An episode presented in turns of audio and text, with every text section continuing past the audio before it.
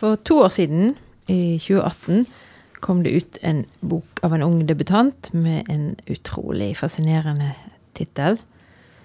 'Grunnleggende plantediversitet'. Du hører på den litterære podkasten 'Det store i det små'. Og vi er Kjersti Sandvik, journalist og forfatter. Og Grete Fatima Sayed, litteraturviter, forfatter og oversetter. Vi har fått støtte fra Litteraturhuset i Bergen, Bergen kommune. Kulturrådet og Fritt Ord. Så det er planter det går i i dag òg. I dag skal vi snakke om planter. Eh, og det som jeg liker, er denne dobbeltheten mellom det liksom vakre og blomstrende, romantiske, myke med plantene, og så dette her fremmedordet diversitet. Det er det vitenskapelige. Hovedpersonen her går på Landbrukshøgskolen på Ås, eller nå heter det vel et universitet. Men um, det er ganske kult, for gjennom hele boken, som er en slags kjærlighets... Veldig tradisjonelt boy meets girl-greie, eller girl meets boy, så er det masse sånne latinske eh, termer og sånn. Skal jeg lese? Jepp. Fra begynnelsen. Og poenget er at det funker. Det blir, det blir ikke liksom utenpåklistret eller kjedelig. Første kapittel heter Hvete, og boken begynner sånn. Første gang jeg ser ham, vet jeg ingenting om gresset. Jeg vet bare at det finnes mange arter som jeg ennå ikke kan. Arter som vokser i skogen et steinkast unna, i grøftekanten langs veien og ved jordet nedenfor, det jeg passerer hver eneste dag på vei til universitetet. Jeg vet ikke engang hvilket kornslag det er som vokser der på jordet. Jeg har en følelse av at det er noe jeg burde vite. Akkurat da er det vanskelig å se uansett, det som vokser der disse maidagene, er bare små spirer. Det ser ut som gress, kan man være fristet til å si, og man vil ikke ta feil, for alle kornslagene som menneskene dyrker, hører til Poaceae, gressfamilien. Jeg kom på noe når du, når du leste det. I sommer så var jeg inne i Sogn. Kjørte eh, langs kysten. Og så sa jeg til eh, min mann ved siden av meg at ha-ha, her har Gud eh, bommet litt på fargen. For den grønnfargen på gresset der, den passer jo ikke med fargen på himmelen og i sjøen. Og så sa han ja, men det er jo kultivert. Det er jo vi som har kultivert det der gresset. Det er ikke Guds Så det er en annen farge på det, Ja. det tamme gresset Ja. enn det ville. Ja. Det er jo Jeg har alltid tenkt at den Eller ikke alltid, men den grønnfargen på gresset i Sogn er jo litt annerledes enn en, egentlig tror jeg det var en som sa det til meg, men jeg ble obs på det. Så er den litt irr, irrgrønn. Jo, men det har jo noe med alt det vi driver og putter på i kjemikalier, og det skal vokse fort, og det ene med det andre. Ja, ja. Det er det jo. Men så den der boken du holder der, den eh, er litt sånn at du kan på en måte lære litt av den? Ja, men det er jo ikke det som er poenget. Det blir nesten en slags poesi ut av den vitenskapeligheten. Hvis jeg nå blar helt mot slutten, den er litt over 200 sider, eller ca. 200 sider, så kommer liksom Kål tilhører korsblomstfamilien Brasisaeae, sammen med annet raps, sennep, karse, rublom, skjørbruksurt og vårskrinneblom. Vårskrinneblom heter Arabidopsis thaliana på latin og er en yndet modellorganisme innen forskningen, osv. Men hvordan kom du over den boken, da? Det tror jeg var ganske tilfeldig. Nei, jeg lurer på om jeg hadde sett eh, Hun er vel en blogger, hun her, Katlin Rani Hagen. Jeg tror kanskje jeg hadde lest i bokbloggen hennes. Men du vet, når det gjelder gress, jeg er òg veldig fascinert av gress. For de er egentlig utrolig vakre hvis du bare bøyer deg ned og ser på hvert enkelt gresstrå. Hvis man ikke er allergisk, da. Ja ja, nei, da, da er det best å holde seg innendørs. Men eh, Men jeg tenkte òg på når vi skulle ha om Jeg tenkte jo mest på blomster og roser og sånn, så det er liksom det jeg har konsentrert meg om. Og så tenkte jeg rosen eh, det, Du har liksom villrosen, og så har du den kultiverte rosen. Og så leste jeg et sted at det fins sånn Altså at man begynte å kultivere rosen på ja, slutt, midten, slutten av 1800-tallet.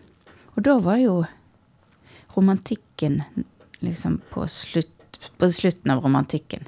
Og så har rosen blitt veldig sånn eh, Den er jo på en måte romant, den romantiske blomsten. Sant? ja, det er jo den urlitterære blomsten. Ja. men jeg syns det var overraskende seint. Mener du at det var ikke Vi hadde ikke de hager før på slutten av 1800-tallet? Jo, men altså da hadde de et, sånn, et veldig sånn eh, avlsretta program Ah, på de- roser. Ja, for det finnes jo en helt utrolig masse typer og Ja, sorter og ja. men, men ikke sånn, eh, sånn industrielt nærmest målretta avl. Av, av, Roseindustrien skjøt fart på slutten av 1800-tallet. Kanskje det var liksom et resultat av all den eh, romantiseringen av denne blomsten. For du vet, blomster har jo for, forskjellig Altså, du har blomster du forbinder med død, du har blomster du forbinder Ja, med kjærlighet, du har blomster Det fins sånn blomsterspråk. Du kan få sånne plansjer. Sånn, eh, hva du vil si hvis du skal sende blomster til noen, f.eks. Ikke, send, ikke bit nellik. Ikke nelliker. det er hat eller død eller noe Det syns jeg er litt urettferdig. For Jeg syns nelliker har fått et ufortjent dårlig Helt rykte. enig. Helt enig. Og de står lenge. De henger ikke med hodet, sånn som de der eh, rosene kan gjøre etter en Ja, dag eller to. Og gerbere, de er jo helt tragiske. De må jo de sette sånn streng i. Har du sett det? De surrer streng. Ja. Det er jo helt forferdelig. Nei, jeg er enig i det med nellikene. De- Og Lilje òg er litt sånn begravelsesbyrå, er det ikke det? Eller? Jo, noen av de, og det tror jeg, for noen av de har sterk lukt, og det overdøvet jo liklukten. Men, um, Alt har sin forklaring. men navnene er jo òg veldig ofte vakre, sant. Altså eh, georginer og Mm. eh, Nå holdt jeg på å si afasi, hva er det heter? Akeleier og Jeg er ikke det, så god på Det er veldig liksom- Kanellik og rose, liksom. Jo, men det er jo sånn Kala. Hortensia, ja. Det, det er mye fint, men um,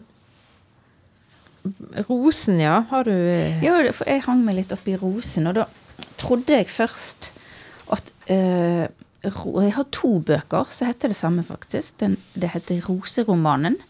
Den ene er fra 1200-tallet, og den andre er fra 2000-tallet. Jeg tror ikke de har så mye mer til felles enn at de heter det samme.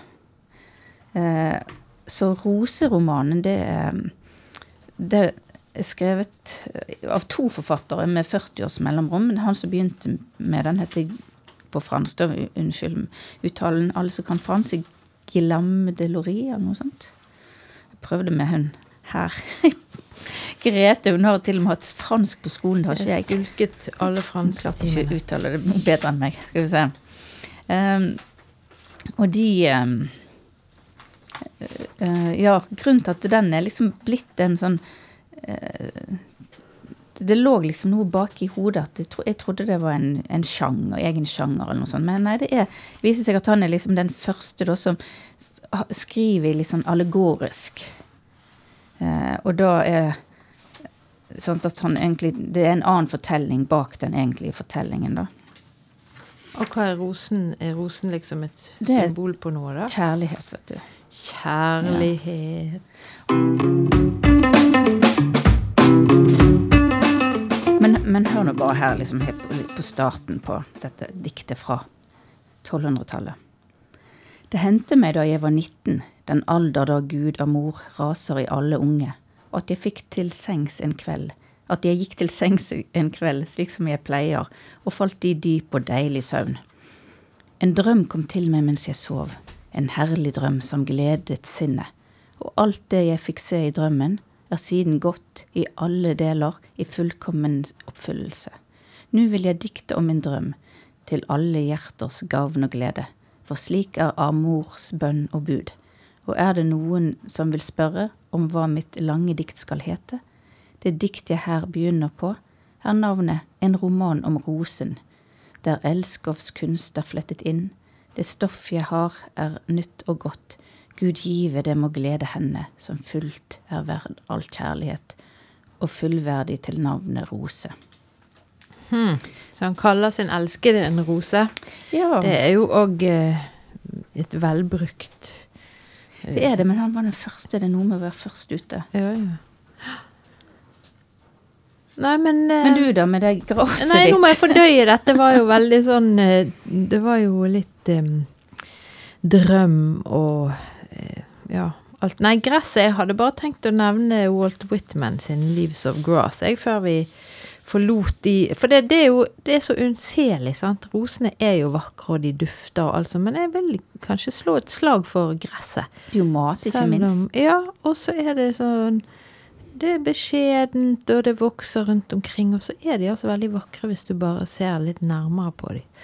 Men nå er jo Walt Whitman eh, Altså tittelen på hans bok som kom ut midt på 1800-tallet eh, Og han, jo, han ga han jo òg ut i flere versjoner. Det er jo en sånn veldig berømt eh, sang, på en måte, da, fordi at han synger I sing myself. og det er det her jeget som bare sprer seg ut og folder seg ut i sånn eh, voldsom eh, Ja, voldsom sånn livsdrift eller livskraft. Så det var bare det jeg hadde mm, på min eh, lille blokk her. Men når det gjelder rosen, så har jeg en bok som heter I rosen. Mm. Og det er mm, en eh, gjenganger her i min eh, litterære verden, nemlig Inger Elisabeth Hansen, som ga ut en diktbok i 1993 som heter I rosen. Og den inneholder blant annet et dikt som jeg syns bør leses i ethvert bryllup, og jeg har flere ganger gitt den til folk som, som eh, har giftet seg. Og det, det diktet heter 'Hva er din elskede fremfor andres elskede'? Og det er også en sånn helt sånn nedpå beskrivelse. For eksempel er den elskede en duft av speilegg i håret, svidd smør og natt. Det syns jeg det er altfor lite snakk om at det Svidd ja, altså, hvorfor elsker du noen fordi de er som en, en rose, eller fordi det lukter speilegg i, i håret? Så det, den er veldig fin. Og her er det masse vekster, mye urter i, det, i disse diktene her. Mm. Selv om boken òg har en veldig alvorlig tone, fordi det handler annet om eh, krigen i Bosnia. Men eh, eh, rosen forekommer flere ganger, og boken heter altså I rosen. Sånn at eh, da har vi tatt et sånn skritt Blad for blad, eller Ja, liksom lenger Et skritt lenger enn um, å bare betrakte. Ja. Mm. Gått inn i rosen. Og, og jeg syns jo òg det der doble med rosen sånn symbolsk, for det, for det første så er, snakker vi nå om en vekst som har torner. Mm. Sant? Så det er ikke bare fryd og gammen heller. Og så er det noe med at vi vet jo veldig godt at alt som visner, alt som vokser, eller alt som lever, det kan visne, og det, da dør det. Og det er jo noe vi i litteraturen er veldig opptatt av. Så, og så er det òg Det er en sånn Shakespeare-sonette som handler annet om at det kan være makk i rosene. Altså, det er ikke alltid det du ser for deg en duggfrisk, sånn en nydelig rosa knopp som du forventer skal åpne seg. Ah, ah, ah, ah, av og til kan uh, virkeligheten være litt mindre pen enn det den, en pen innpakning. Men er den liksom brukt opp som litterær virkemiddel, rosen? Hadde den sin storhetstid, og så jeg har den ville ikke aldri giddet å skrive noe om roser, tror jeg. Nei. Men du hadde jo en til, sa du. Ikke lukter de heller. fra vår tid. Ja. Jo, det De lukter jo veldig godt, noen av de. Ja, villroser, men ikke Ja, sånn nei, som du kjøper på I hvert fall ikke Rema 1000. Fy, du må ikke kjøpe roser på Rema 1000. Du må støtte rosebutikkene. Eller blomsterbutikkene. Um, den andre som roseroman, ja, den er jo litt um, en, På en måte en sånn eh, To historier. Den ene historien om to brødre som ble bytta ved fødsel. Mm. Så finner de det ut eh, Når guttene er fem år, så finner de ut at de har ikke den rette biologiske foreldrene. Og så bare tar de de tilbake igjen til de er ferdig med det. Og det var ikke helt vellykka. Så han ene av disse brødrene, da, han ble kjent med en eh, gartner, og så overtar han og, ja, og begynner å gartneri og begynner å dyrke roser. Og så kommer han der andre broren, da, som er en litt sånn for øh, Ikke helt vellykka dikter, som har bestemt seg for at nå skal han aldri mer skrive en eneste bok. Ha-ha. Hmm. Ja. Eh, så det, men også her òg er det litt sånn om det å dyrke roser og hva man skal passe på, og hvor mange forskjellige typer og roser det fins. Så der er det kunnskap, og kan du, kan du plukke opp noen gode råd til hagen din?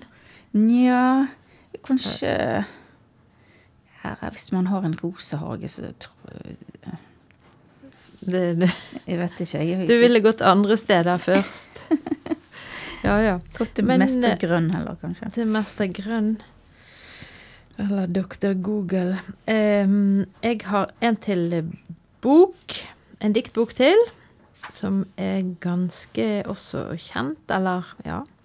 Det er Øyvind Rimbereid sin Sa du forresten forfatteren på den andre rosormannen? Tenk at jeg ikke sa det. Det var Øyvind Berg, vet du. Det var selveste Øyvind Berg. Kom ut i 2019, så den er ikke så gammel.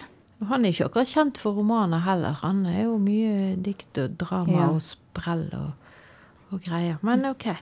Men um, Øyvind Rimbereid han er kjent for dikt. Og denne Herbarium, som kom i 2008, det begynner å bli en stund siden, har masse, masse dikt i seg. Uh, det er ikke mindre enn tre dikt som heter Rose. Rose 1, Rose 2 og Rose 3. A rose is a rose is a rose. Kanskje den har stjålet det derfra. Kanskje han har inspirert, tatt uh, lærdom fra Gertrud. Gertrud Stein. Men eh, den ene heter De har undertitler, da. Alle disse diktene har undertitler som viser til forskjellig Altså noen viser til eh, høytider, og noen viser til steder og personer igjen fra historien. Uh, men det første heter Rose 1 Flygende. Det andre heter Rose 2 Isrose, som er en sånn eh, eh, henvendelse til uh, isrosen, da. Altså, han snakker om, til isrosen. Som er jo selvfølgelig ikke en rose, da, men det er jo en slags et mønster på vinduet. Og så er det rose tre som heter Egentlig rose. Og der eh, eh, er også det uttrykket subrosa som Husker du den der rosens navn, forresten? Ja. Jeg lurer på om den har vært filmatisert flere ja, ganger. Iallfall én gang. Der er jo det her med ja, det mystikk Mm. og det bibliotek og litt sånne skjulte korridorer. Og, Umberto Eco. mm, med han der Sean Connery, var det vel, var ikke det? Som spilte hovedrollen. Der er jo det der subrosa, det er jo sånn når noe er hemmelig, eh, eller konfidensielt, så er det liksom under rosen. Og jeg tror det har vært mange teorier på hva det egentlig går på, men i hvert fall så har det vært brukt som eh, sånn utsmykning på skriftestoler. Sånn Mm. rose... Rosenkransen. Ja, rosenkransen, og der har du den òg. Mm. Mm. Men eh, jeg syns dette her eh, Rose 1 er litt artig, da, fordi at eh, det handler eh, om en som hadde Jeg kan lese det ikke så langt. Ja, gjør det. Det er det som Rose 1 flygende. I Lufthansa-flyet på vei hjem fra Milano, 7000 meter over Alpene, hviler hun hodet mot vinduet, bekymret over sitt første oppdrag for Nortrade. Snart slumrer hun, og halvt i drømme er hun allerede over Skagerrak. Men i håndvesken under setet ligger rosen som den italienske kontakten kjøpte til henne under middagen kvelden før. Den ligger beskyttet inni mandagens Milano Finanza hun hadde håpet hun ville greie å lese. Innerst mellom kronbladenes lette press bukter stadig en gul larve seg. Altså flygende kvinne, rose og larve. Jeg syns det er litt morsomt. Det er liksom larven inni rosen, inni en avis, inni håndvesken under setet. Det er jo sånn kinesisk eskegreie. Ja, det var mye informasjon der. Det, det er mye Ja, mye Jeg syns det var litt morsomt, da, men ellers er jo en del av disse mm, Jeg tenker jo at denne larven kanskje skal lede oss hen til å mistenke at denne italienske kontakten har eh, At det har kommet noe annet ut av møtet. At det kanskje hun har en blindpassasjer inni seg sjøl òg, tenker jeg. Men det er litt langt. ja, det må være lov. Men eh, noen av eh, de som Diktene her som er veldig sånn politisk, da er blant annet eh, Handler annet om eh, konflikten i Midtøsten. Eh, mens det som fikk mest oppmerksomhet når boken kom ut, det er det som heter Tulipan. Og det er et langt dikt som står noenlunde midt i eh, samlingen. Tulipaner fra Amsterdam. Ja, nettopp.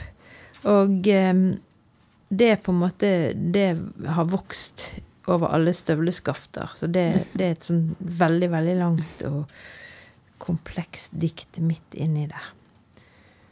Ellers er jo Rimbereid kjent for mye at han han har jo laget sånne diktbøker der han blander fremtidsspråk og stavangerdialekt og alt denne solarisk korrigert. Så det er mye sånn viltvoksende språk. Men det tulipandiktet, hvorfor fikk det så mye oppmerksomhet da, i den tid? Det er jo veldig monumentalt på en måte, og imponerende. Eh, det går gjennom historien, sant. Altså det er hendelser fra tulipanhandelen og, Akkurat. og sånn. Så så er det jo noe med disse løk Løken òg er jo en myteomspunnet og litterær vekst. Lag på lag. Løk, ja. Mm. Mm. Og det, var, det, var, det, er høy verdi. Sånn, penger og Det er jo alltid interessant. Men jeg har eh, en sak som jeg må diskutere med deg. Aha. Som er litt um, Ja, det er litt sånn hvis du tenker at et av de grunnleggende mm, problemene eller temaene i kulturen vår, da, eller i kunsten og i ja, måten vi forstår oss sjøl på, det handler om dette her med natur og kultur. Og hvis du skal sette det opp sånn stikkordsmessig, så er jo da naturen på en måte friere og øh, viltvoksende, organisk øh, udressert. Mens kulturen er det som handler om å forstå ting og sette ting i system og kategorier, sånn som Linné, sant, med, med blomstene og det. Mm. Så, jeg, så jeg, jeg, vil jo si at her hos Rimbereid er begge deler veldig til stede, for noen av diktene forholder seg til ganske strenge, sånn som det aller første diktet. Det er så strengt i formen at du kan liksom skandere det på sånn komigreie. Så det er veldig sånn mekanisk med rim og, og rytme. Og det har jeg oppdaget kanskje litt seinere enn alle andre. For du vet den danske poeten Inger Christensen. Hun eh, var jo kjent bl.a. for det de kalte systemdiktingen. Sant? At du tar eller annet, et eller annet prinsipp, og så, og så blir diktet ja, Jeg skal ikke si at det blir tredd ned på det, men, men, det forholder seg liksom til det. Aller mest i den diktsamlingen hun som het Alfabet.